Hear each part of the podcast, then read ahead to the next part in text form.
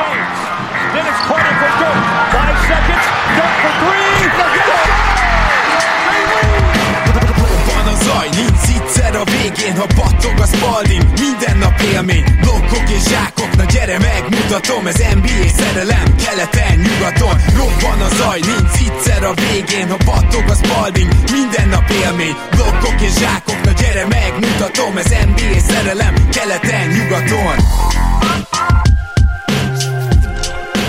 Éj jó! Szép jó napot kívánunk mindenkinek, ez itt a Rep City keleten-nyugaton podcast, a mikrofonok mögött Zukály Zoltán és Rédai Gábor. Szia Zoli! Szia Gábor, sziasztok, örülök, hogy itt lehetek. Nos, beléptünk az októberbe, úgyhogy a következő héten valamikor, amikor ma várhatóan lehet, hogy három podcastet rakunk ki, mert ugye itt a szezon eleje lassan, és ilyenkor kicsit besűrűsödik a mi programunk is, és ennek köszönhetően remélhetőleg a tietek is. Szóval sorsolni fogunk Patreonjaink között egy ajándékot, úgyhogy remélem, hogy ezt is nagyon várjátok, meg azt is, hogy a maradék, mint egy azt hiszem kilenc, na lehet, hogy csak hét csapat, már én magam se számolom, is sorra kerüljön, hiszen itt van az előszezon gyakorlatilag a nyakunkon. És a mai napon az első csapatunk nem más lesz, mint a Houston Rockets gárdája, és ezzel kapcsolatban ráadásul újoncot is avatunk, mert hogy a magyarországi Houston fan közösségnek a, a motorja, és egyébként, ha jól tudom, akkor a fancsoport eh, Facebook adminisztrátora is, János Huba van itt velünk, szervusz! Sziasztok, köszönöm a meghívást! Szia Huba, én is örülök, hogy elfogadtad a meghívást, jó, hogy megismerhetünk, és azt hiszem, hogy egy kifejezetten izgalmas beszélgetés lesz majd nagyon érdekes csapatról. Így van, pont érdekes volt, hogy meséltem Gedei Tibinek azt, hogy milyen csapatok lesznek ma, és akkor így mondta egy, egy gyors várrendítással, hogy hát a Houston az most nem olyan érdekes csapat, Houston az most elképesztően érdekes csapat, egyébként meg is győztem erről nagyjából, de tényleg elképesztően érdekes, mert egy nagyon-nagyon gyorsan végigmenő rebuilden, még nincs teljesen túl, de már is kialakult az a fiatal mag. Valahol ott jár most a Houston, mint amikor az Atlanta Trayangot ledraftolta, az más kérdés, hogy majd látnunk kell Jalen green a pályán, és hogy ő neki lesz-e akár Trayang szerű impactját, ezt nyilván most még nem tudjuk, de Huba, nem valószínű, hogy most lettél az elmúlt egy évben Houston Drucker, mióta tart nálad ez a szerelem? Ugye tudom, hogy nálatok a Houston csoportban azért igazi hardcore veteránok vannak, és 80-as, 90-es években már a Houstonnak szurkoltak, úgyhogy eh, nem lepődünk meg nálatok semmin. Hát én a fiatalabb drukkerek közé tartozom, én még a Yao Ming McGrady korszakban kezdtem el követni az NBA-t, akkor még nem annyira hardcore módon, de nagyon tetszett McGrady-nek és Yao-nak a játéka, és igazából Yao miatt alakult ki a Houston szerelem, és azóta tart, aztán nyilván mikor jött a Harden korszak, az, az felelősítette, és azóta foglalkozom mm, jobban az NBA-vel így hobbi szinten. Mm. Igen, tehát egyébként sok ember nagyon-nagyon kedvelte azt a Yao Ming Tracy McGrady duót, illetve a köré építkező Houston-t is, de azért azt elmondhatjuk, hogy ugye a Mori időszak alatt aztán egy Mori addig próbálkozott, még meg nem szerzett egy szupersztárt, és utána folyamatosan contender volt ez a csapat, e, és most, egy olyan szakaszba léptetek új GM-mel, és ugye új vezetőegyzővel is, akit Zolival már tavaly is nagyon dicsértünk. Szóval igazából egy olyan szakaszban, ahol nagyon rég nem volt ez a franchise, mennyire gondolod sikeresnek eddig ezt a szakaszt? Mert ugye azért Zoli is, én is eléggé megdicsértük a csapatot itt az elmúlt időkben ilyen szempontból. Először is nekem egy kicsit furcsa így, hogy követem egy jó ideje a ligát, de hát 15 éve nem volt olyan szezonja Houstonnak, amikor 50% alatt volt. Hát úgyhogy most kicsit át kellett állni fejbe, de ahhoz képest, hogy a Super Smallból kísérletezés után mennyire nem láttam, hogy ebből a csapatból hogy tudunk egy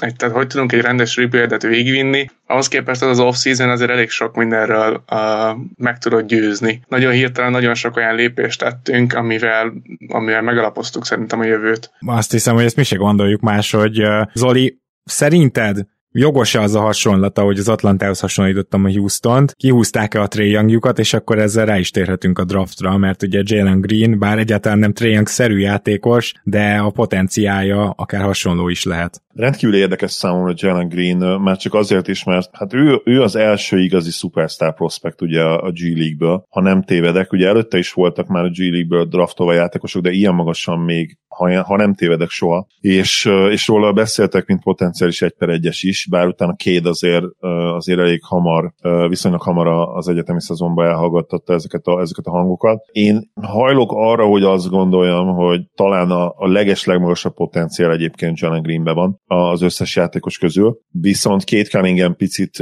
valószínűbb, hogy eléri az ő plafonját, az ő maximumát. Minden esetre gyakorlatilag ez a Professional Pathway program, amit csinálnak a g ez nagyon-nagyon érdekes. Egyre többen gondolják egyébként azt, hogy nem kérdés, hogy mennyivel magasabb színvonalat és jobb lehetőséget szolgáltat arra, hogy valaki konkrétan az NBA-re készüljön fel. Nagyon kíváncsi leszek, hogy merre tart. Hát, hogyha, hogyha arra fele tart, amire gondoljuk, akkor ugye hívhatjuk forradalomnak is, és, és ez azt jelenteni, hogy egyre több játékos választja a már konkrét fizetést ugye az első középiskolai szezonja után, bár válaszlépéseket ugye már tett az NCA és, és úgy általánosságban az egyetemi sport. Minden esetre Jalen Green egy hihetetlen potenciállal rendelkező uh, scorer, freeway scorer, ahogy ugye mondani szokták, triplája is lesz, be fog tudni törni, iszonyatosan jó labdakezelése van, elit méretekkel rendelkezik, papíron tényleg minden olyan dolog megvan, benne, ami, ami arra predestinálja majd őt, hogy a liga egyik legjobb szkórere legyen két-három, akár már két-három éven belül. Az is érdekes, hogy nem tudom, hogy Kobi óta mikor láttunk ilyen típusú játékost, egészen pontosan arra gondolok, hogy Jalen Green azért nem egy ilyen klasszik wing magasság. Azokból láttunk már olyan prospekteket, akik alapvetően scorerként ismertük meg, de Jalen Green nem is az a klasszikus irányító, nem is feltétlenül állandóan nála kell, hogy legyen a labda. Olyan, minthogyha aznak a klasszikus hatodik embernek lenne egy ilyen hihetetlen magas upgrade-je. Kicsit talán Zach Levinhez is lehetne hasonlítani, csak hogy sokkal magasabbról indul, mint ahonnan Zach Levin indult, és lehet, hogy az első szezonjában ilyen Zach Levin-szerű játékos lesz, de azért ebbe meg durva belegondolni. szóval szígyjuk itt Zach Levin eleget. Hát függetlenül, hogy Jalen Green mondjuk nagyjából ott kezdi, ahol Zach Levin tavaly előtt volt, most mondtam valamit, és még talán az a playmaking, ami tavaly már Zach Levinbe úgy egy picit kezdett látszani, az még nem lesz ott, de, de akkor, akkor azért egy nem akármilyen indulás ez. Az egy nagy kérdés, hogy ő tud-e majd valaha passzolni, hogy tud-e úgy offense csinálni, hogy ne csak magának, hanem másoknak is. Huba, milyen infóid vannak, ugye ráadásul már el is kezdődött a, a training camp, úgyhogy akár lehet, hogy már onnan is kaptál egy-két új hírt, egyáltalán a csapattársak, az egyzőstáb hogyan nézi Jalen Green-t, és mennyire fog majd zöld lámpát kapni? Hát a training campből én egyre túl sok infót még nem hallottam, de Green szerintem mindenképpen egy nagyon érdekes prospekt lesz, bár a passzkészsége az, az számomra is nagyon nagy kérdés lesz itt az elején, mert hogy azért a G League-ből is az látszott, hogy nagyon sokszor vagy későn veszi észre a passz lehetőségeket, vagy, vagy egyszerűen megpróbálja egyedül megoldani. Egyébként meg ebben még nagyon látszott nála a fejlődés, hogy, hogy egyre inkább kezdett jó döntéseket hozni, és ez javította a hatékonyságán is. Az mondjuk egy további kérdés, hogy, hogy a hatékonyságával mi lesz. Számomra ez lesz a legfőbb kérdés így az első egy-két szezonban Jalen Greennel kapcsolatban, mert a potenciál az benne van. Én nem Lavinhez, hanem Billhez hasonlítanám még itt eleinte, bár kicsit atletikusabb, de nekem a maga támadó játéka inkább hozzá. Hm? Én adom, adom ezt a hasonlatot, egyszerűen Billben több playmaking van, és azért gondoltam a Levint pontosabbnak, de nyilván egyébként nem ördögtől való egyik hasonlat sem, és, és nagyjából valamennyire hasonló játékosok is. Jalen Green amikor megérkezett a Summer League-be, akkor gyakorlatilag egyből igazolta azt, hogy hogy miért tartják ilyen rögtön bevethető szkórernek, de a másik pozitívum volt számomra, hogy keményen játszott védekezésben, látszott, hogy egyáltalán nem akar ott pihenni, és például az ilyen típusú prospekteknél szinte 10-ből 10-szer figyeljük meg azt, hogy védekezésbe pihennek, esetleg nem is jó védők, mint Levin, de, de Bilt meg ugye már láttuk jól védekezni, csak amikor épp 36 pontot dobsz, akkor nem érsz rá, hogy úgy fogalmazzak, és kíváncsi leszek ilyen szempontból is Jalen Greenre, mert szerintem ő amúgy egy ígéretes védő, és akár pozitív is lehet ezen az oldalon is, nyilván nem az első évében, de two potenciál is van benne, nem tudom, egyetért a Zoli. Mindenképpen, amikor valaki ilyen fizikai adottságokkal rendelkezik, akkor már csak ma, maga a fizikai adottság miatt is említenünk kell a túlé potenciált. Nyilván tudjuk, hogy a védekezés az, az sokkal összetettebb kérdés ennél, és, és úgymond kell hozzá egy nagyon jó agy is, de az biztosan igaz, hogy bár egy nem jó aggyal rendelkező játékosból valószínűleg soha nem lesz elitvédő, egy közepes IQ-val rendelkező, és itt védekezésbeli és támadásbeli IQ-t egyébként akár külön is szedhetném, mert szerintem kicsit más. Szóval aki, aki esetleg közepes védekező adja rendelkezik, úgymond, az még mindig lehet jó védő, hogyha, hogyha tényleg ilyen Isten adta atléta. És ez nyilvánvalóan nem igaz például egy olyan játékosra, akinek szintén közepes agya van védekezéshez, de nem ilyen atléta. Tehát ez mind, mindenképpen egy jobb kezdő csomag, mint sok másik ebből a szempontból. Egyébként ő nem nem volt soha pocsékvédőnként elkönyvelve, és soha nem olvastam róla olyat, hogy különösebb problémái lennének a, a játék intelligencia terén, ami szintén pozitív. És egyébként az egy szem playoff meccsén a G League-be ott nekem védekezésben is nagyon tetszett, megnéztem egy ilyen all possession összefoglalót róla még annó, ahol az összes támadó, támadásbeli és az összes védekező possession ott volt, és szerintem kifejezetten jó volt. Nyilván nagyon kicsi minta, de, de ott egy, ott egy elit teljesítmény nyújtott, és hát nem rajta múlott ugye, hogy kikaptak azon a mérkőzésen. Úgyhogy én, én abszolút pozitívan állok a játékának ezen részéhez is. Uh-huh. Teljesen egyet tudok érteni, és akkor nézzük meg azt a másik három embert, akit ledraftoltatok, hiszen uh, ugye Usman Garuba, uh, Alperen Szengün és Josh Christopher hármasa egy nagyon érdekes hosszú távú jövőt vetíthet előre. Egészen pontosan azért mondom, mert mindegyikbe van miért beleszeretni. Szengün ugye gyakorlatilag játszott a többiekkel, mármint nem úgy, hogy kosarazott, hanem hogy játszogatott a többiekkel, olyan szinten állt támadásban a hát Summer League mezőny fölött. Az a csávó az lehet, hogy már most nagyjából mindent tud, amit egy center tudhat támadásban, beleértve a triplát is. Nem biztos, hogy rögtön 40%-os triplázó lesz, de az biztos, hogy nem lehet majd ott hagyni, és Nála a kérdés a védekezés. Usman Garubánál teljesen fordítva van, nagyon úgy tűnik, hogy egy olyan játékos, aki már az első évében is jó védő lehet, de nála a kérdés az, hogy támadásban az eliupok behúzásán kívül tud-e bármi más csinálni, és egyáltalán milyen lesz a helyezkedése, milyen lesz, mint Rollman? És Josh Christopher pedig nagyon-nagyon jól teljesített a Summer League-ben, még némi ballhandlingje is van, ő is inkább kettes posztú játékos, még némi ballhandlingje is van, rádobja, bedobja a triplát. Mit gondolsz, ki az, aki leginkább a rotációban lesz ebből a háromból? Huba. Szengünk biztos, hogy lehetőséget fog kapni, tehát hogy én is azt vártam így a scoutok alapján, hogy először még nagyon nyers lesz, aztán jött a Summer League, és konkrétan berobbantott. Nem volt olyan rész a játékának, amiben óriási hiba lett volna, úgyhogy biztos, hogy a lehetőséget fog kapni szerintem cserecenterként Wood mögött, mert már egy 15-20 percre be, be, be lehet, és szerintem be is kell vetni látni, hogy minél többet játszon, tehát hogy ő lehetőséget fog kapni. Garuba borzasztó nagy potenciál van szerintem benne az adottságai miatt, meg az európai skillset miatt, amit felvett a Real Madridnál, viszont ő még, ő még annyira nyers, és kicsit darabos is szerintem a mozgása, hogy ő még egyre nem fog túl sokat játszani. Christopher, aki nekem nagyon érdekes volt, mert róla nem, tehát róla elég sok negatívat lehetett olvasni a draft előtt, aztán jött a Summer League, és sokkal jobban játszott, mint várni lehetett energikus volt ő is védekezésben, mint Green, jobban dobta a triplát, mint elsőre várták volna, de bár azt mondjuk mondták nála, hogy volt fejlődés abba is a, a draft előtt, de attól függetlenül ebbe is jobb volt, és borzasztó energikusnak tűnik, tehát már egy ilyen hatodik emberszerű ról az kinézhet Christophernek a szezon második felére szerintem, főleg, hogyha cserélünk játékosokat. Na igen, mert hogy sose tudhatod, hogy pontosan milyen rosterre lesz mondjuk 3-4 hónap múlva a Houstonnak, Houstonnak, Houstonnak különösen, mert mondhattam volna egy rebuild csapatnak, de ugye Houstonba nagyon szeretnek cserélni, és azért azt is tegyük hozzá, hogy ez a három fiatal is már a jövő része, nyilván Green is a jövő része, de még tavaly is kibányáztatok egy Jason Tate-et, aki tudom nem fiatal, 26 éves, Ausztráliából lett előhúzva, gyakorlatilag a hajánál fogva, és azért ő már az első évében úgy tűnt, minthogyha egy baromi jó triendi lenne, amiből inkább a díj az erős, de az nagyon,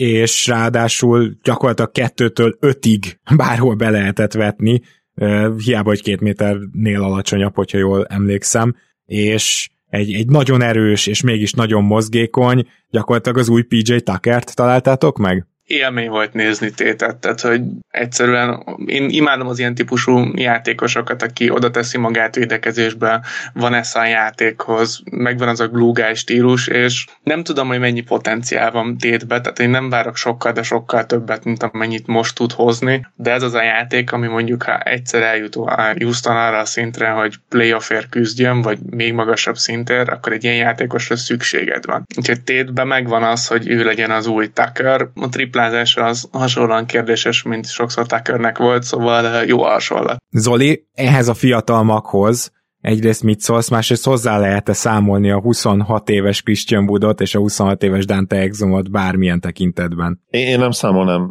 bele semmiképp a, a, az idősebb játékosokat, bár még ők is valamilyen szinten fiatalok, de, de ugye azért más egy kicsit. És ami nekem ugye Szengőnnel kapcsolatban érdekes, hogy mennyire tud ebben az érában kijönni majd a, a támadó tehetsége, mennyire hagyja, engedi neki a rendszer, és itt most nem csak a Rakic rendszerére gondolok, hanem az egész ligára. Mert ha a rendszer engedi úgymond, akkor hihetetlen nagy potenciál lehet benne, mint játékosba. Nyilván itt sem arra gondolok, hogy, hogy a török liga MVP cím után megnyeri majd az NBA MVP címét is, tehát azért ezt, ezt zárjuk ki, bár Egyébként lehet, hogy indulásnál nagyobb esélye van neki erre, mint egy bizonyos Nikola Jokisnak volt, akit kövéren ledraftoltak a második körben, úgyhogy napi, nem tudom, 6 liter kólát ivott, de hát az a sztori nem valószínű, hogy még egyszer megis, megismétli majd önmagát. Én nagyon szeretném azt hinni, hogy Szengőn használható a ligában, korán használható már a ligában, és ki tud jönni tényleg az a, az a, az a támadásbeli zsenialitása, ami neki megvan, mert ő tényleg egy, egy hihetetlen jó all-around támadójátékos, tehát neki megvan a passzjátéka is, ő, ő, ő be tudja dobni a, a büntetőt, be tudja dobni a középtávolit, tényleg teljesen kiforrott és még egyébként egész jó fit is szerintem Bud mellé. Én abszolút meg tudnám nézni őket együtt is, de mondom, lövésem sincs, hogy, hogy a rövid távon a, a Rakic rendszere és edzője mennyire engedi őt kibontakozni, és hosszú távon a liga rendszere, a modern NBA, mert az, az azért hát lehet, hogy nagyobb probléma lesz számára, mint amit, amit mi gondolunk. Még úgy is, hogyha egyébként hozzá kell tenni, hogy meglepően mozgékonynak tűnik ahhoz képest, mint amit ugye vártak tőle, mert őt gyakorlatilag egy ilyen teljes stiffnek mondták sokan, és ahhoz képest azért annál gyorsabb, én azt gondolom, szemre is, és úgy, úgy egyébként hatékonyságra is. Garuba pedig hát ugye nagyon tudjuk ugye, hogy Európában jövő magasok, mind a kettőt nyilván hát vissza kell fognom magam mind a kettőnél, hogy, hogy ne aléjak el, ugye? De, de hát az tök egyértelmű, hogy, hogy Usmanba NBA védekező potenciál van a leges kezdve, és viszont benne meg lehet, hogy nincs más, de ő belőle meg egyszerűen ki kell néznünk azt, hogy ő neki lesz egy tíz éves karrierje, mert ilyen, ilyen Isten adta fizikai adottságokkal egyszerűen ki kell hozni magából a, a legtöbbet, és ha semmi más nem csinál, csak védekezik és lepattanózik, az már önmagában igazából pályán tartatja őt rövid és hosszú távon is. Igen, kérdés, hogy lesz-e mondjuk egy olyan motorja, mint Isaiah Stewartnak, akihez egyébként hasonlíthatjuk valamilyen szinten őt, mint játékost. És akkor ugye van itt még két játékos, akiről nem beszéltem, pedig ugyanúgy a jövő fiatal magjának a része, és ezért rohadt izgalmas csapat a Houston, mert most csak a 2024-es Houstoni, nem tudom én, playoff contender csapatot soroljuk itt már mióta, legalábbis ugye ezek a tervek. De az egyik Kenyon Martin Junior, aki hihetetlen atléta, és a kérdés az, hogy amúgy meg tud-e tanulni kosarazni, nem szeretnék nagyon sok szót vesztegetni rá, tavaly azért emlegettük őt, hát a másik nyilván Kevin Porter Junior, a legnagyobb X-faktor gyakorlatilag itt Jalen Green mellett, mert hogy majd a Wall ügyre nyilván külön rátérünk, de Kevin Porter Junior valószínűleg kezdeni fog, mint irányító és hát ez azért nyilván hatalmas kockázattal jár, meg Zolival annó mondtuk is az 50 pontos tripla duplájánál, hogy jó-jó, azért még, még, még nem kell Future All-Star dolgot így gyorsan ráaggatni, de Kevin Porter Jr. most meg fogja kapni élete lehetőségét. Huba szerinted tud-e ezzel élni, illetve mennyire látod problémásnak őt, mint játékost, hiszen azért tudjuk a korábbi ügyeit, meg a, a fegyver volt nála, stb. történeteket, tehát általában az ilyen játékosok elkallódnak. Mutat-e jeleket a változásra? Válaszolok erre, és egy pillanatra meg visszatérhetek az előző témához. Hogyne. Hogy, hogy a Szengün a mai NBA-ben szerintem azért érdekes, mert hogyha feltételezzük azt, hogy akiket most draftoltak, arra építjük a jövőt, és tényleg itt is maradnak, KPG-vel együtt, akkor szerintem egy tök érdekes mag lehet azzal, hogy Green meg Porter is tud valamennyire előkészíteni másoknak, de lehet egy olyan játék, mint mondjuk Indiánában, hogy, hogy Szengűn vennél fel a Sabonis rolt, amiben azért van potenciál, és akkor jobban meg lehet osztani a terheket előkészítésbe is, hogyha bentről is jönnek ki gólpasszok. Így szerintem ilyen formán lehet potenciál szengőmbe hogyha centerből ő osztogat. Úgy, úgy érdekesebb. Nem tudom, ezt hogy látjátok? Én részemről abszolút látom, csak ez nagyon ritka, hogy ez, ez első évben már pozitívan manifestálódik, hogy ilyen szép magyarul fogalmazzak, szóval azt hiszem, hogy a legtöbb jól passzoló magasnak is kell egy-két év, mire ebből igazán pluszos dolog lesz. Egyébként én is úgy gondoltam, hogy évek múltán lehet ez, tehát hogy egyelőre még tényleg szengő maradjon Wood cseréje, és mondjuk mellé majd később bejött Garuba, és akkor a védekezés védekezésben valaki tudja őt kisegíteni. Szóval a, a másik kérdés, egyébként én pozitívan kezdek Porterhez hozzáállni, mikor ide került, akkor úgy voltam, hogy egy próbát megér. Szerintem élt is a lehetőséggel, nem is volt nagyon botránya, amióta Houstonban van, hát úgyis nem volt annyi. Viszont most a média napon, ahol persze sok minden elhangzik, de kiemelt a Porter, hogy úgy érzi, hogy jól használják Houstonban, megkapta az esélyt, és ez neki mennyit jelent, és próbál ezzel élni. Szóval hát, ha elengedi a rossz ényét, és csak a játék játékra fókuszál, mert van, van benne lehetőség. Ezt tavaly is már egy-két meccsen mutatta. Mondjuk nekem kérdés, hogy mennyi a plafonja. Uh-huh. Igen, mert ugye Kevin Porter Juniornál azért azt látjuk, hogy megvan a ball handling, még passzolni is tud, igazából magának is tud kialakítani dobóhelyzetet, de szinte mindenben inkonzisztens, és ugye az ilyen játékosoknál szoktunk arról álmodozni, hogy mi lesz, ha mindenben konzisztens lesz. Hát igen, ez, ez nagyon ritkán történik meg. Az ilyen nagyon inkonzisztens játékosok a karrierjük második felére talán ezt le tudják küzdeni, de, de egyébként nem jellemző. Tehát ha megnézitek Jamal Murray-t, akkor igazából volt egy nagyon szép playoff run, igen. Egyébként abszolút nem tudja ezt leküzdeni, és pedig már öt éve a ligában van, most meg ugye sérült. Szóval nyilván ez az, amit Kevin Porter Jr.-nál most kiemelten kell majd figyelnünk és hát akkor eljutunk ezzel John Wallhoz, aki elvileg nem fog játszani, és amikor Zoli azt mondta, hogy szerinte a Houston lehet a leggyengébb csapat a ligában, vagy legalábbis nyugaton, és az okc is alul tudjátok majd tankolni huba, akkor én emlékszem, hogy mondtam egyből, hogy nem, nem, az OKC lesz az, és majd elmondom később, hogy miért, hát itt az idő, hogy elmondjam. Huba, de Zoli, hozzád is szólok majd utána, ti elhiszitek azt, hogy John Wall tényleg kiüli az egész idényt, mert az, hogy őt elcserélni nem tudja a Houston, az ezer százalék. És meg lenyilatkozták a Houstonnál, hogy már pedig első körös nem akarnak adni azért, hogy John Wall elmenjen innen, és hogyha ez a helyzet, én kizártnak tartom, hogy kiüljön egy egész évet, azzal gyakorlatilag a maradék reményét is megölné a karrierje második felének. Szóval Tudom, nagyon szép, John Wall most mint segédegyző gyakorlatilag ott van a fiatalok mellett, tanítja őket. Szerintem eljön az a pont, amikor újra játszani fog. Kizártnak érzem, hogy kiüli az egész idényt.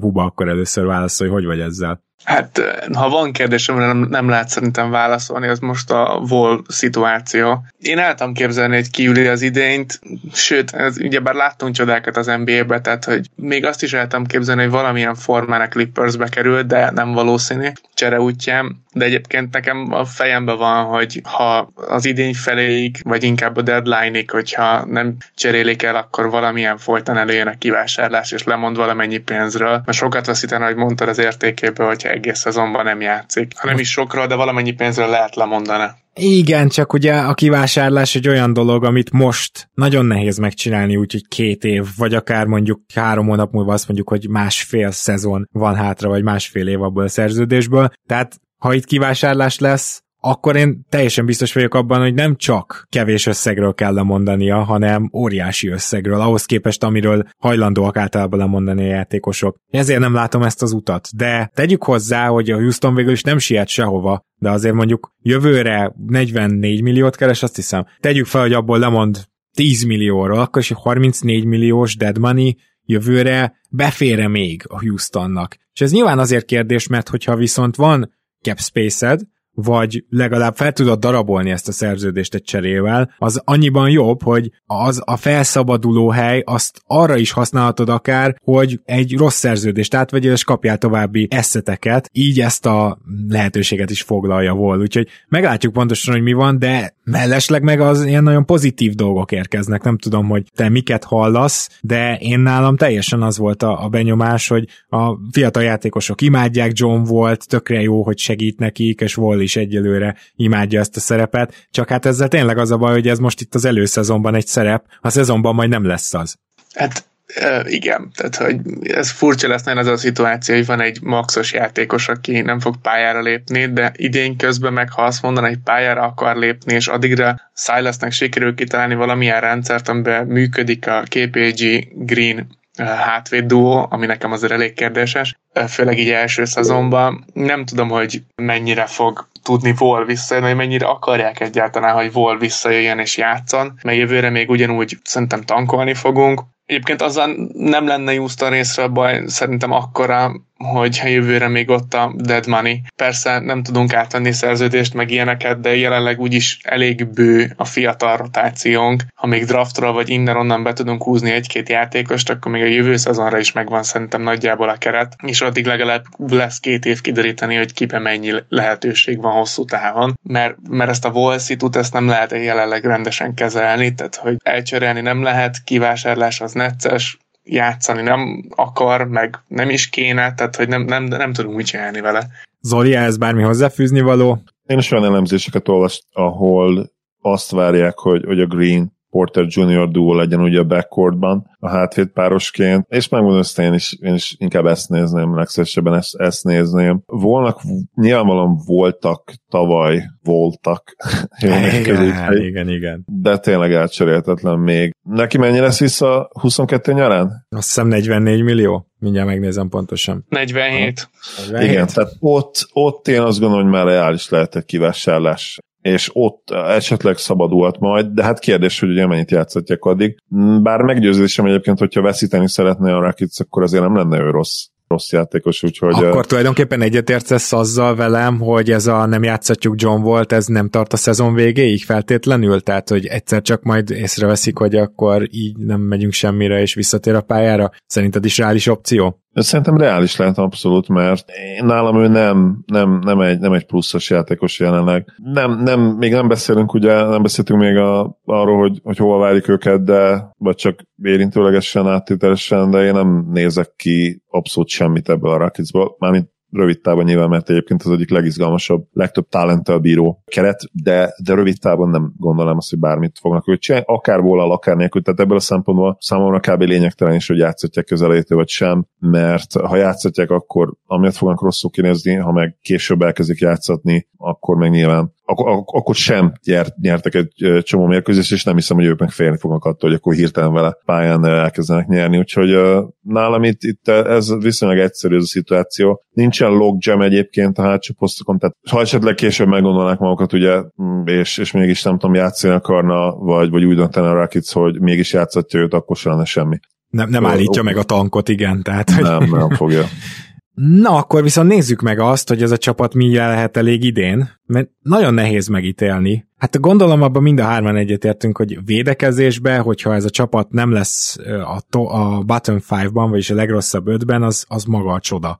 Gondolom te se ezen az oldalon várod a, a potenciális reményt és felcsillanást, akármilyen jó egyzőnek tartjuk Zolival Silas-t, azért na- nagyon nehéz dolga lesz, nem? Biztos, hogy a legrosszabb védelmek között lesz a Houston, viszont a front office, front office-nál el kell ismerni, hogy próbáltak változtatni ezen, tehát Envabát visszahozták, Tice-t leigazolták, tehát hogy ők legalább tudnak adni egy kis tartást a csapatnak, plusz mondjuk Tice szerintem nagyon fontos lehet abban, hogy a magas emberek fejlődjenek védekezésbe, tehát őt abszolút úgy látom, hogy őt mentornak hozták, mármint azon kívül, hogy valószínűleg kezdő PF lesz. Egyébként hát ez a kezdőposzt, ez lehet, hogy ilyen 5 perces kezdőposzt, aztán lejön, és a másik fél időben megismétlődik, vagy azért amíg a Houston úgymond nem ássa el teljesen magát abban a tekintetben, hogy, hogy, hogy be lehessen mondani a rajongóknak, hogy amúgy playoffra megyünk, addig azért rendesen játszatják majd.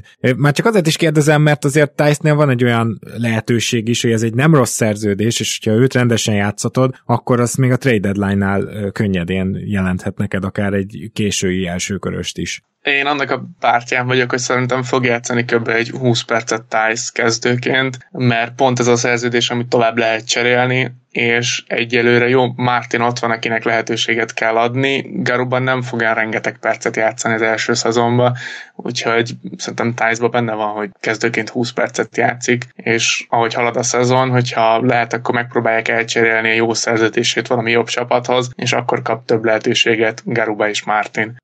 Én is így látom, tehát hogyha eleve, ha megnézem a, a kezdőt, ugye magas posztokon ugye van némi tapasztalat, de ott is igazából Tice az, aki, akiről azt mondjuk, hogy jó védő, és, és neki is azért fizikai paraméterei egyértelműen azért hátrányra váltak a, az évek során, és a play azért az is kijött, hogy amire őt leginkább tartották, ugye, hogy, hogy lábbal kiérjen, és, és a wingeken is jó védekezést tudja nyújtani, ami ma ugye az NBA-ben gyakorlatilag a magas embereknek a, a leglényegesebb tulajdonsága szinte, ha csak nem vagy valami hihetetlen támadó fenomén. Abban sem volt azért annyira jó, mint ami, amennyire jónak gondoltuk korábban. Ugye a backcourtban szinte nulla tapasztalat, vagy nagyon kevés tapasztalat. Ugye az a Joshon Tate lehet a, a kezdő kis csatár, aki hát szintén bár, bár idős ruki volt, ugye, de tényleges tapasztalata ugye nem sok van az NBA-ben. Mondjuk ő legalább tényleg jó védő, ahogy ezt mondtuk. Nem, is, de nem rossz védő egyébként, igen és, és hát ugye van egy, van még egy House Junior, aki ugye ott lesz a rotációban, és akkor ugye egy Kenyon Martin Junior,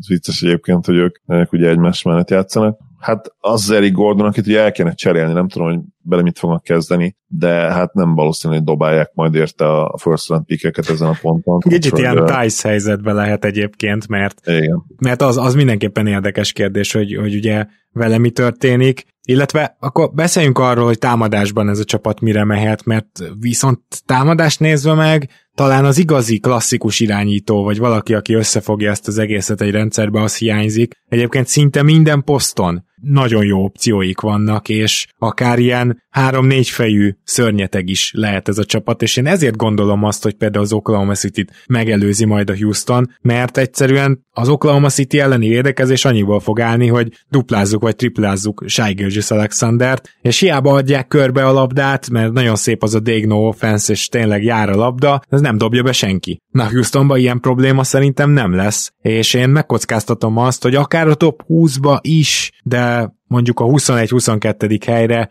el kéne, hogy érjen ez az offense.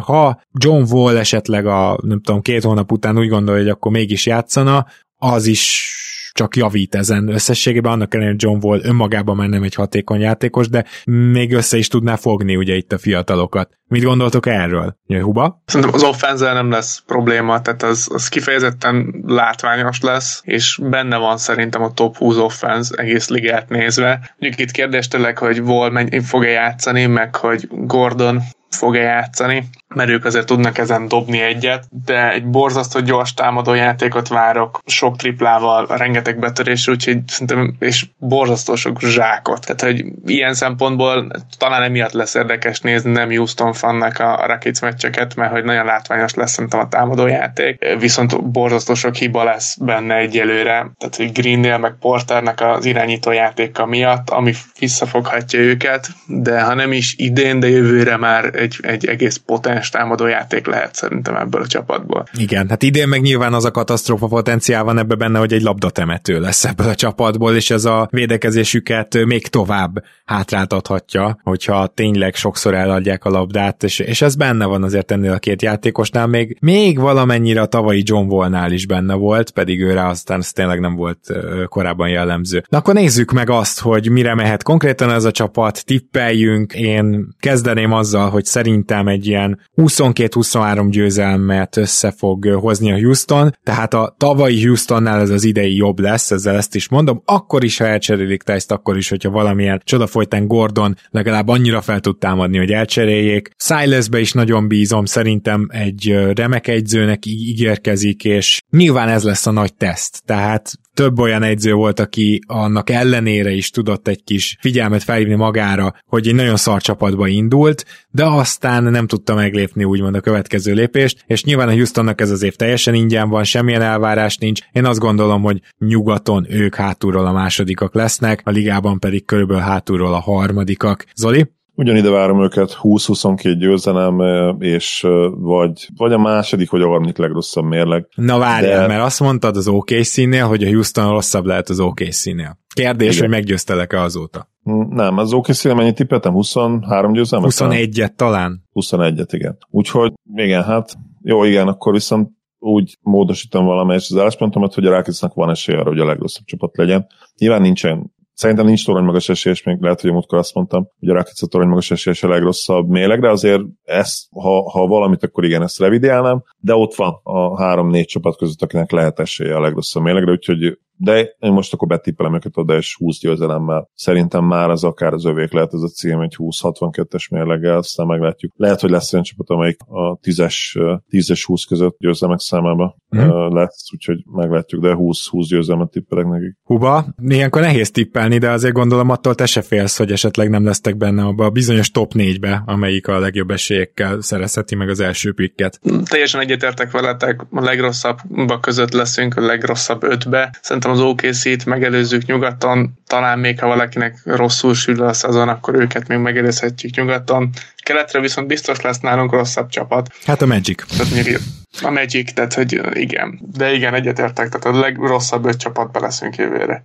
Mondasz egy konkrét számot? Just hát, for fun. Ta, legyen egy 23 győzelem, hogy nagyon optimista legyek. János Huba, nagyon szépen köszönjük, hogy itt voltál velünk, és akkor az optimizmusodat pedig majd megnézzük, hogy, hogy jól sül el, hiszen azért a Houstonba nyilván hatalmas potenciál van, ezért is figyelni fogjuk a Rakicet, és először is nagyon köszönjük, hogy újoncként ilyen felkészülten érkeztél, másrészt pedig, hogyha esetleg a Rakic valami nagy dolgot hajt végre idén, bármilyen irányba, akkor lehet, hogy még beszélünk akár szezon közben is, ha jössz. Nagyon szépen köszönöm a meghívást, nagyon jó volt beszélni veletek, és persze, hogyha van még valami olyan, akkor szívesen jönnék még. Én is köszönöm, Hugo, hogy itt voltál. Mi pedig ezzel a lendülettel akkor megyünk is tovább a következő csapatunkra. Ez a következő csapat pedig eh, az Atlanta Hawks lesz, és egy olyan valakit hívtunk meg az Atlanta Hawks értékelni, akit a kommentfalakról elsősorban mint Sixers drukker ismerhettek, de én nagyon, tudom, hogy ő nagyon régóta az Atlantát is követi és szimpatizál vele.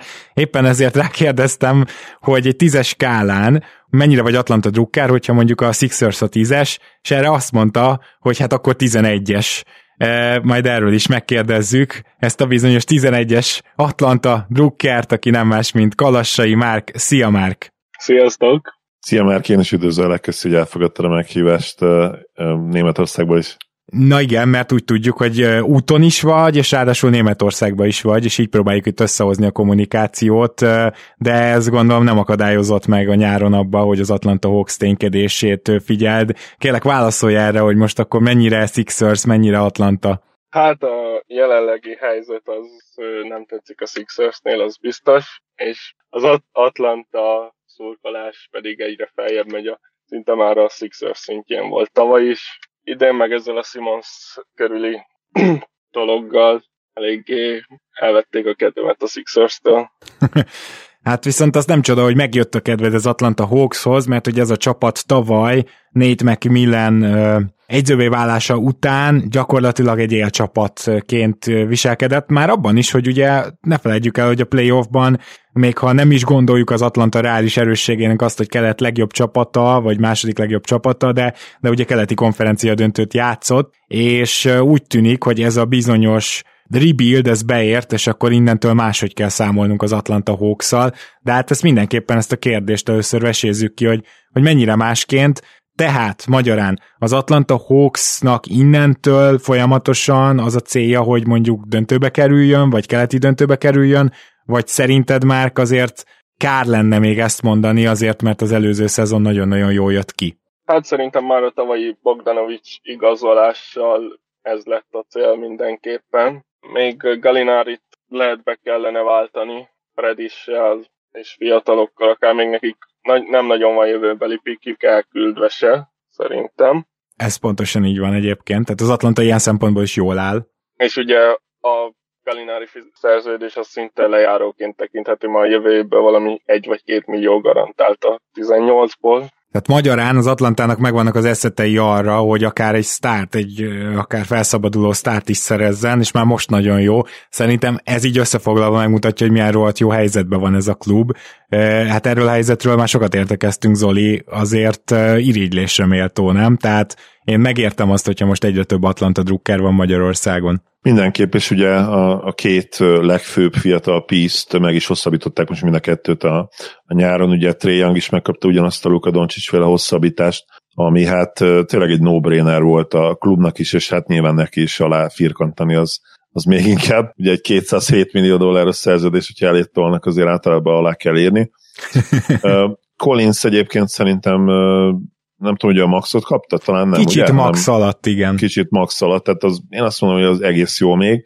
Ugye azt mondják, hogy a, a győzelem az minden meggyógyít, és ez abszolút igaz volt erre a szezonra, és John, John Collins és, a, és az Atlanta kapcsolatára, amely hát előtte ugye már menthetetlennek is tűnt egy, egy ponton, és hát ugye el is akarták cserélni, és úgy nézett ki, hogy nem, nem fog talán maradni. Aztán, aztán ebből egy remek amiért mondtam, ugye, hogy a győzelem az mindent meggyógyít, egy remek playoff run, ahol tényleg ő kifejezetten jól játszott, főleg mint all játékos, nem volt számára probléma, hogy, hogy lejjebb kellett adni a pontátlagából, nagyon jó védekezett, jól mozgott, jól lepattanozott, blokkolgatott, és hát ugye a floor spacing, ami Clint Capella mellé nagyon-nagyon fontos, azt is végig tudta nyújtani, úgyhogy tök egyértelmű lett volna még asset management szempontjából is, hogy meghosszabbítják, de így, hogy tényleg még upside is van benne, szerintem nagyon jó döntés volt és hát ugye visszahozták Lou Williams-et is, illetve Solomon hill a két cserében, tavalyi cserében rész, részvevő veterán, ők is szerintem értékes játékosok lehetnek. Hát a Dieng szerződés, ami, ami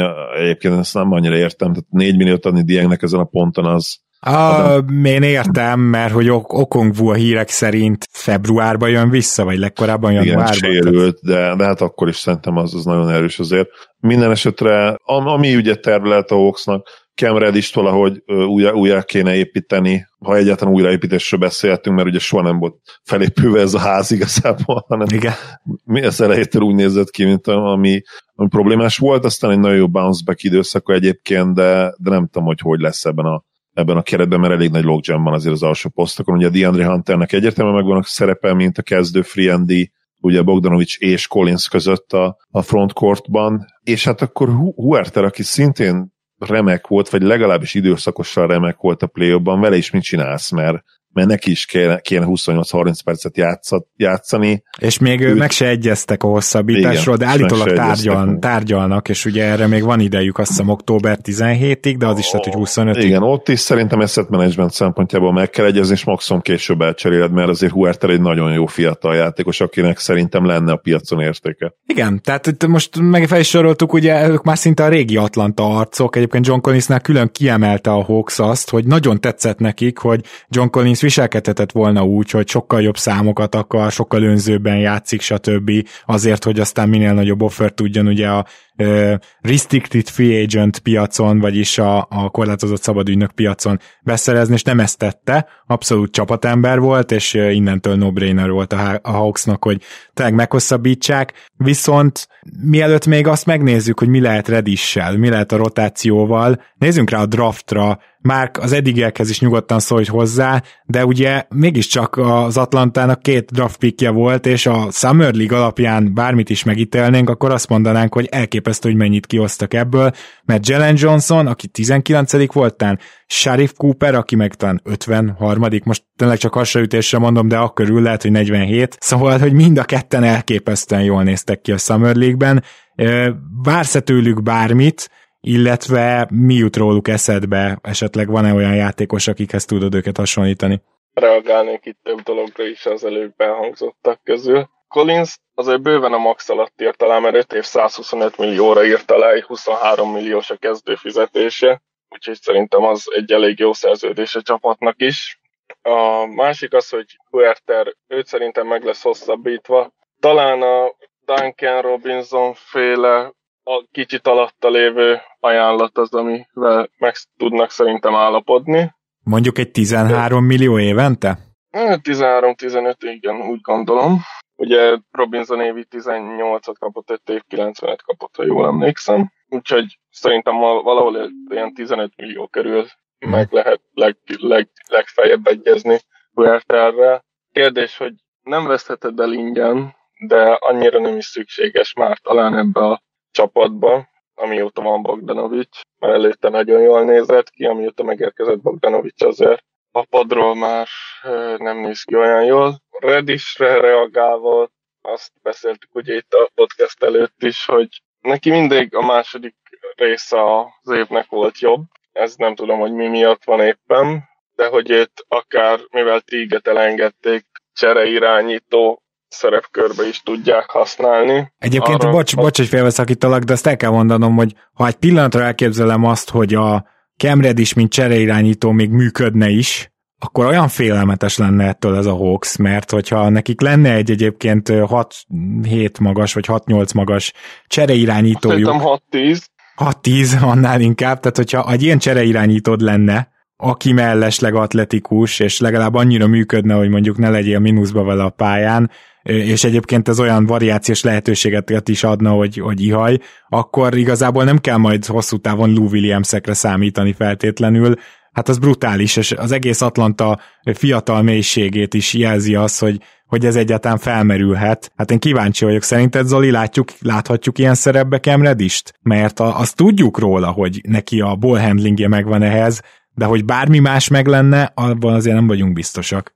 Engem azért meglepne, hogyha a full-time playmakerbe menne át, akár mint csere, mert ugye más az, hogyha felhozza a labdát, amire persze alkalmas, mint, mint a mai ligában egyébként azért nagyon sok wing, de, de az, hogy ő játék szervez majd mondjuk, azt akartam mondani, egy Middleton szintjén, de nyilván itt most a kérdés nem azt, hanem, hogy ugye irányító, mert Middleton nem irányító, hanem mondjuk ilyen harmadagos játékszervező jelen pillanatban, aki esetleg másodlagos játékszervező is át tud ö, lépni, hogyha kell.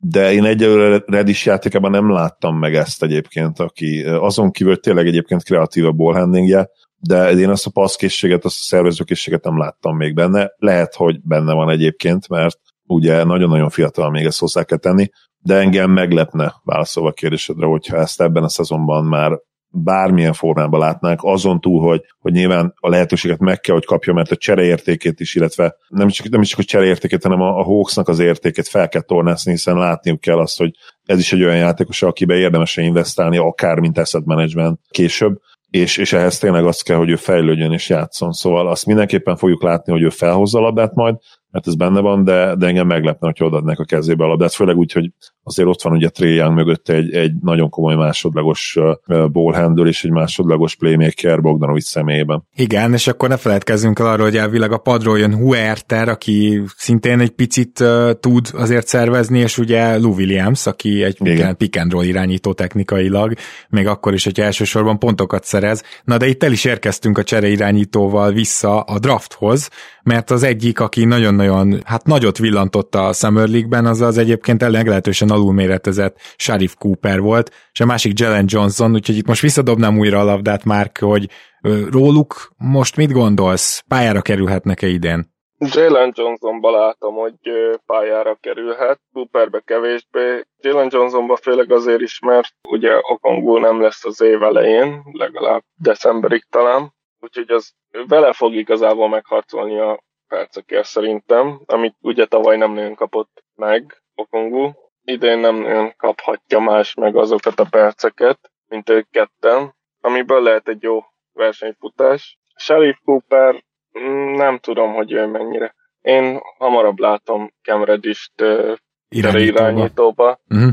mert hogy ő a középiskolában szinte point guardot játszott, és nagyon sokat szervezett, amúgy neki nagyon, nagyon alulértékelt a paszkészsége, mert elég keveset láthattuk, mert az egyetemen ugye Zion és RJ Barrett mellett kellett játszani, és az ő kezükbe adták a labdát sokszor, de amikor például a gyúkon is Redis kezébe volt a labda, azokból nagyon szép dolgok születtek, hogyha egy passz highlightot megnéztek Redistől, elájultak, hogy miket tud passzolni, Úgyhogy nem tudom, én a Cooper annyira nem kedvelem így prospektként. Talán a helyzet miatt lehet benne majd valami, meglátjuk. Tig ugye elment, valakinek kell lesz irányítónak lennie, mert a, még úgyse lehet fent 48 percet talán Trey és Bogdanovics, hogy váltják egymást ugye időszakokban, mert azért őket is a playoffra azért pihentetni kellene. Jó lenne ilyen 30 pont körül, vagy 30 perc körül tartani a játékidejüket, 30-32 percezni.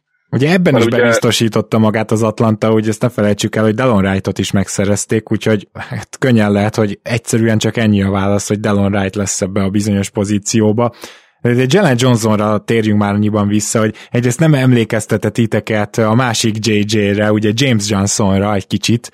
Ez a tényleg nagy darab, valamennyire mindent tudó, de semmit nem igazán tudó wing, Persze Jalen Johnson ezt 20 évesen hozza, tehát nem állítom, hogy nincs neki följebb, de azért pont nála nem vagyok meggyőződve a hatalmas potenciáról, de egy ilyen típusú kemény játékos, az mindenképpen baromi jól jönne egy most már lassan bajnoki címfele forduló csapat rotációjába a jövőben. Szóval Zolit most akkor téged kérdezni, mennyire tetszik ez a, ez a komp? Fizikailag látom magam előtt mindenképp, ugye, és sok oldalúság van, és ugye Johnsonról azért tudni kell, hogy, hogy egy, egy, egy egészen sikeres egyetemi szezon van mögötte. Többen gondolták úgy, hogy ha maradt volna még egy évet, akkor akár még előkelőbb helyen is elvihettek volna a következő évi drafban, drafton, de nyilván ez ilyenkor mindig, mindig kockázat, ezt, ezt ugye elmondjuk mindig, az, az tök egyértelmű, hogy, hogy John nélküli elsőkörös pik volt, tehát uh, itt, itt, uh, itt tényleg az, az volt a kérdés, hogy ő lottery talenttel, vagy lehetett volna lottery talente később. Uh, én azt gondolom, hogy igen, de jól tette, hogy, hogy, hogy jelentkezett, és hát tényleg egyébként ő az a játékos, aki uh, Johnsonnak a legjobb NBA szezonja mi volt? Ilyen 15 pont körül, 5 lepattanó, 3 mm, A pontot nem hiszem, de igen, tehát ilyen sok oldalú. Ilyen igen, ez a nagyon sok oldalúság, lehet, hogy a pont, igen, az, az sok volt, lehet, hogy ilyen 12 körül volt, Maximum. de valamiért úgy, úgy rémlik, hogy 10 pont felett volt ő többször is. Szóval ezt abszolút látom benne, mert tényleg védőként is nagyon sok oldalú, nagyon jó playmaker a posztjá, posztjához. Hát nyilván azt nem tudjuk még, hogy az NBA tripla, ugye jól dobta a triplát, de nagyon kevés kísérletre az értemen, meglátjuk, hogy az NBA tripla mennyire lesz neki kemény dió de az biztos, hogy bár Okongwuba sokkal nagyobb potenciált látok, mint védő, sok oldalúságban szerintem azért nehéz, nehéz belelátnunk azt, hogy, hogy, hogy nem Johnson a jobb prospekt egyébként, hogyha tényleg csak és kizárólag a sok oldalúságról beszélünk. Viszont egyébként, amit meg Okongba tud, az meg jó esélye nagyon kell majd ebbe a Hawksba, mert amikor már, és ezzel válaszolok visszacsatolva a kérdésedre, hogy, hogy innentől akkor a Hawks most milyen célokért küzdhet, döntő e már a cél. Én azért itt picit behúznám a kéziféket, és azt mondanám, hogy, hogy a hazai pályáért kellene menni. Tehát idén mhm. reális cél lehet a hazai pálya, de, de szerintem a contender státusz, az igazi contender státusz még odébban. Viszont ha elérnek majd oda, ahhoz lehet, hogy fontosabb lesz Okongu sokoldalú védekezése, mint Johnsonnak maga a sokoldalúsága. És hát egy másik kérdésed is válaszol, amit ugye Márknak feltette, hogy mekkora szerepet kaphatnak, hát én egy kicsit attól félek, hogy nem olyan nagyot idén. Ja. Mert azért borzasztó mély ez a, ez, a, ez a keret. Tehát ahhoz nagyon-nagyon jónak kell lenni ezeknek a srácoknak edzése, hogy ebbe a rotációba bele tudjanak valahogy férni, vagy sérülések kellenek hozzá, ami mondjuk nyilván például egy Gálonnál azért, azért benne van a pakliban, persze, ne, legyünk őszinték.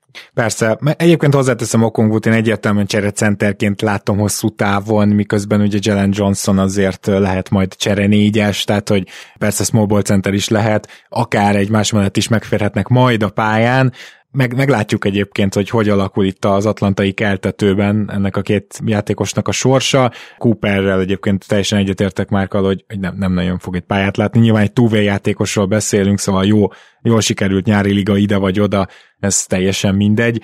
De akkor beszéljünk egy picit arról, már és nyugodtan reagálj az elhangzottakra is, de hogy ez a csapat ugye tavaly már 9. volt támadásban, meg mindig csak 18. védekezésben, és nyilván a Nate McMillan időszakot nézve sokkal följebb lennének, hogy megtörténhet-e az, hogy ez a Clint Capellára alapozó csapat, amelyik egy kicsit talán úgy védekezett McMillan alatt, mint ahogy az Indiana, a New York és a Utah Jazz, hogy kicsit beterelte ugye a rim protector magas felé a, a játékosokat, hogy na gyertek, ő majd fogad titeket. Szóval, hogy, hogy ez az Atlanta, ezzel a Nate McMillannel például lehet-e top 10-es védőcsapat. Mert csak azért mondom, mert ha igen, akkor a, akkor a top 4 keleten az nem hogy meg lehet, hanem az minimum meg lesz. És én ezen, ennek mentén gondolkozok erről a szezonról, hogy Macmillannel egy teljes szezonban tud-e esetleg top 10 közelébe kerülni védekezésben ez a Hawks? Az utóbbi kérdésre reagálnék először. Szerintem nem lehet egy csapat top 10-es véd, védekezést összehozni, ahol Trey Young, Bogdanovic és John Collins egyszerre a kezdőben van. Uh-huh. És nekem nagyon... Hunter egy nagyon jó D játékos, de nem látom benne azt az igazi primary Wingstopper-t?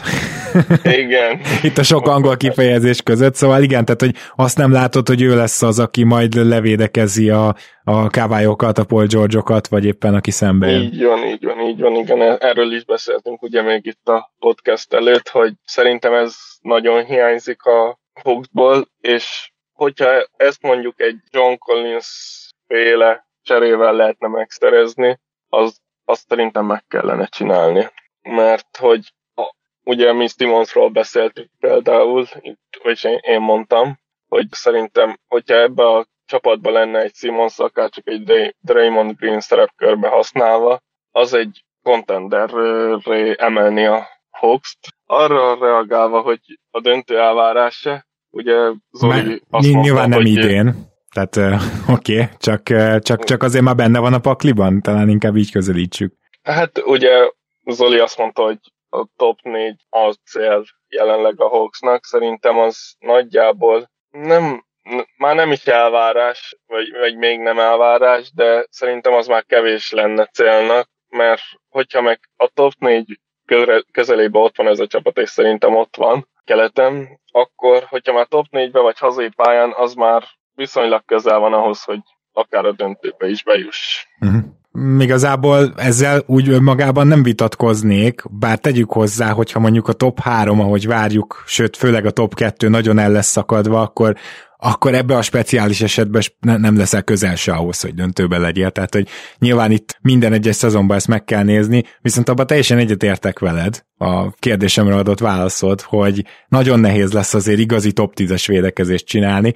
Na de, kilencedik lett az Atlanta ugye tavaly támadásban, és top 5-ös támadást csinálni, azt viszont nem olyan biztos, hogy nehéz lenne, sőt én már előre gondolkozok, hogy bemondom az Atlantát abba a bizonyos top 5-ös jóslatomba. Nem tudom, Zoli, hogy te már elgondolkoztál-e arról az adásról, de mit gondolsz, hogy az Atlanta Hawks támadásban odaérhet a szűken vett elitbe? Mert, mert gyakorlatilag az alatt volt tavaly, és még egy lépés van-e bennük szerinted előrefelé? Ja, simán persze, és hogyha mint majdani contenderről beszélünk, vagy, a, vagy akár ugye már mondta, hogy szerintem már idén is contenderök lehetnek, és végül is egyetértek abban, hogy, hogy ugye Dark Horse-ként mindenképp, sötét lóként abszolút, akkor az nyilvánvalóan szerintem onnan fog jönni elsősorban, hogy bár persze fejlődnek majd védekezésben is, mert ez természetes, és ez, ez, ugye, ez is már megindult az előző szezonban, de inkább ott fog először kicsúcsosodni, hogy, hogy elit támadó csapattá válnak, úgyhogy én, én még rá is kontráznék erre, és már előre leütöm a kedélyegyet, hogy hány pontot várj majd ezért a tippért a hattékadásban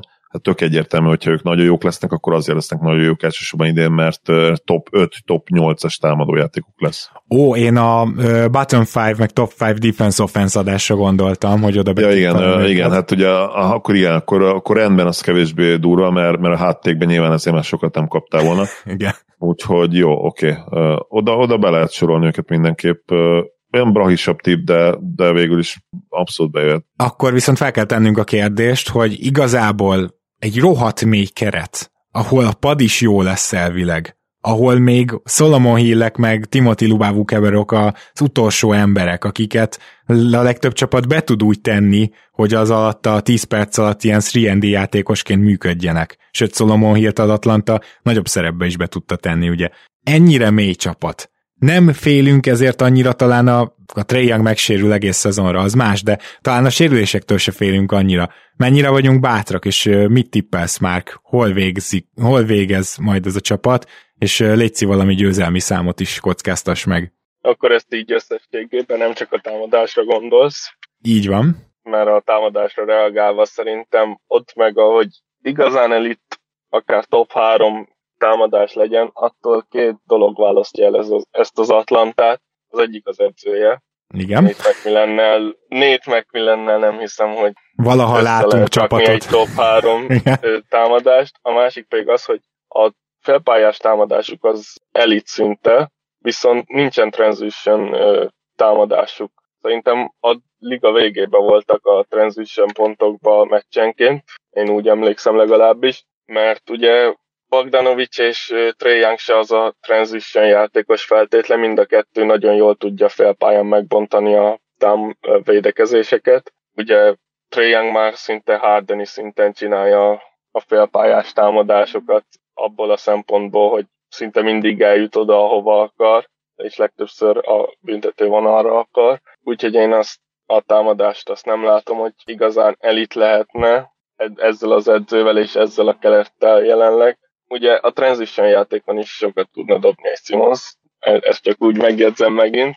Összességében én egy, ugye a Sixers-től nagyban függ, hogy ez a keleten hol végez ez a Hawks, mert hogyha megoldódik a Simons probléma ott, vagy valami nagyon jó játékosra tudják elcserélni, ami most nem reális jelenleg.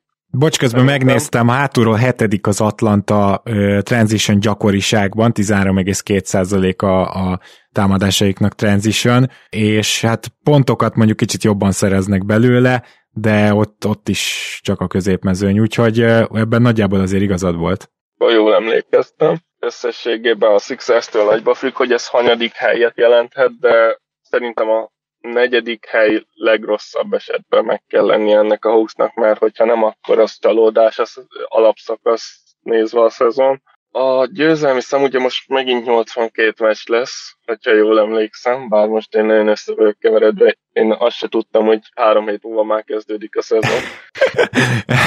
Ezzel azért sokan vagyunk így, hogy egy kicsit meglepett minket. Igen, tehát most is ugye egy hónappal kevesebb volt még a nyára normálisnál, de a szezon az már 82 meccs lesz, úgyhogy így kérjük a tippet is. Mhm.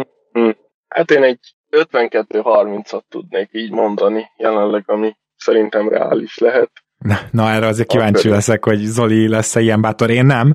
Nem leszek ilyen bátor, de érdekes, hogy úgy érvelsz, hogy nem nagyon tud top 5-be kerülni az Atlanta támadásban, nem nagyon tud top 10-be kerülni, akkor viszont nem lesz jelentősen jobb, mint tavaly volt. Igaz, hogy a tavalyi csapat az a Nate McMillan alatt egy 50 győzelmes csapatnak nézett ki, szóval ezért nehéz ezt betippelni, de én 48 győzelmet várok ettől a szezontól, tehát azt gondolom, hogy e kora ugrás azért még nem lesz, mert van egyrészt egy olyan effekt, ez a, ugye úgy mondják kint, hogy honeymoon, ami na, ugyan nászutat jelent, de itt azt kell nézni, hogy jött az új egyző, és akkor vele most minden nagyon jó, aztán most egy egész évet ö, ö, végig kell vele tolni, és ezért nem automatikus, hogy ennyire jók lesznek, tehát ez nyilván benne van, illetve azért hogy nagyon kíváncsi leszek arra, hogy ez a bizonyos kamufalt történet, ez Triangot mennyire érinti, mármint ez nyilvánvalóan nagyon érinti, és hogy ezt a szabályt megváltoztatták, ez Trae Youngból hát milyen dimenziókat fog kivenni, mert hogyha még több, mit tudom én, támadóidő lejárta előtt 20 másodperc eleresztett félpályás triplát kurrá, az nem biztos, hogy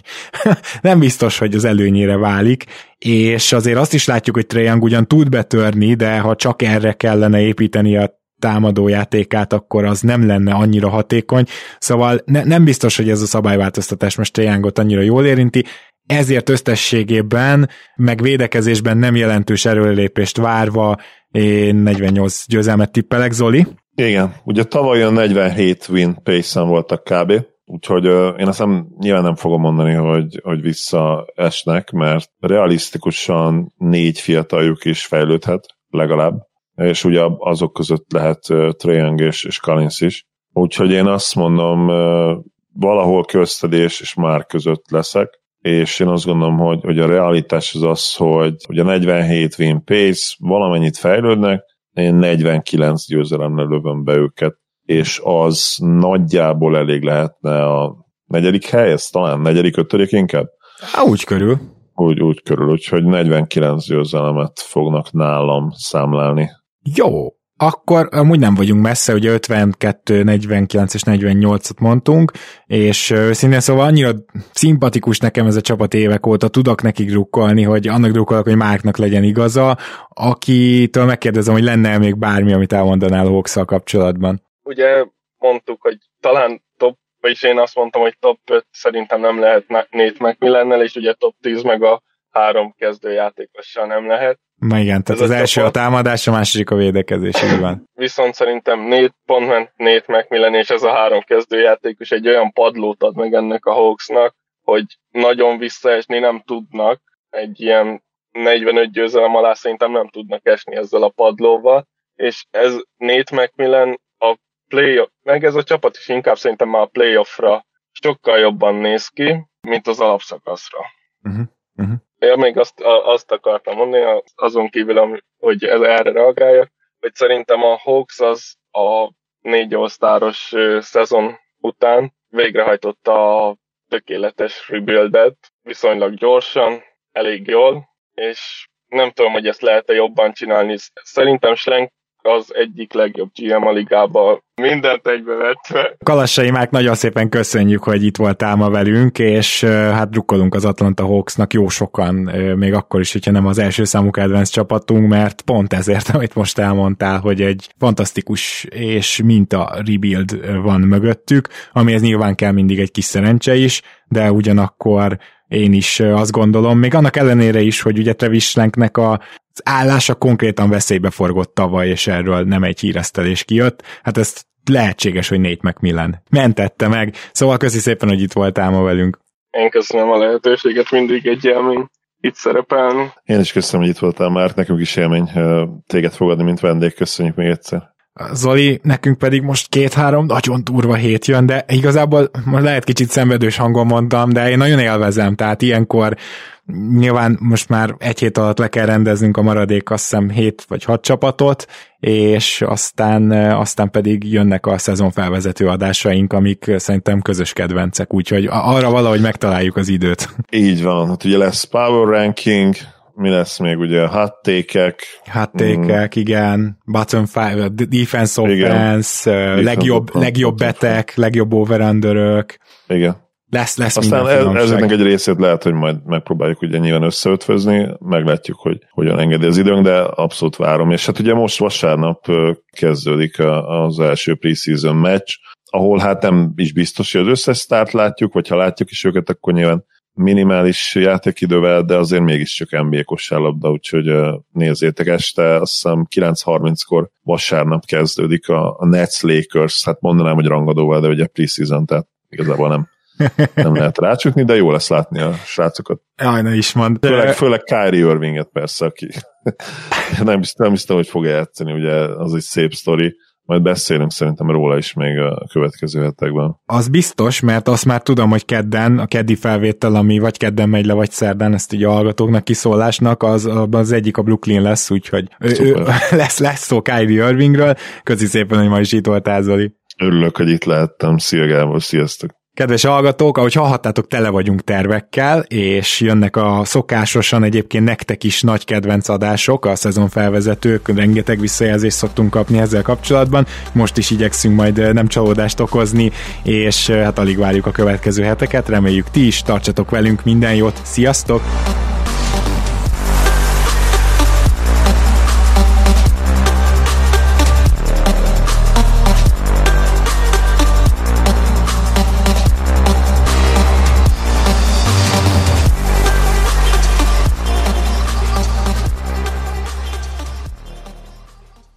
Ha más podcastekre is kíváncsi vagy, hallgassd meg a Béton műsor ajánlóját.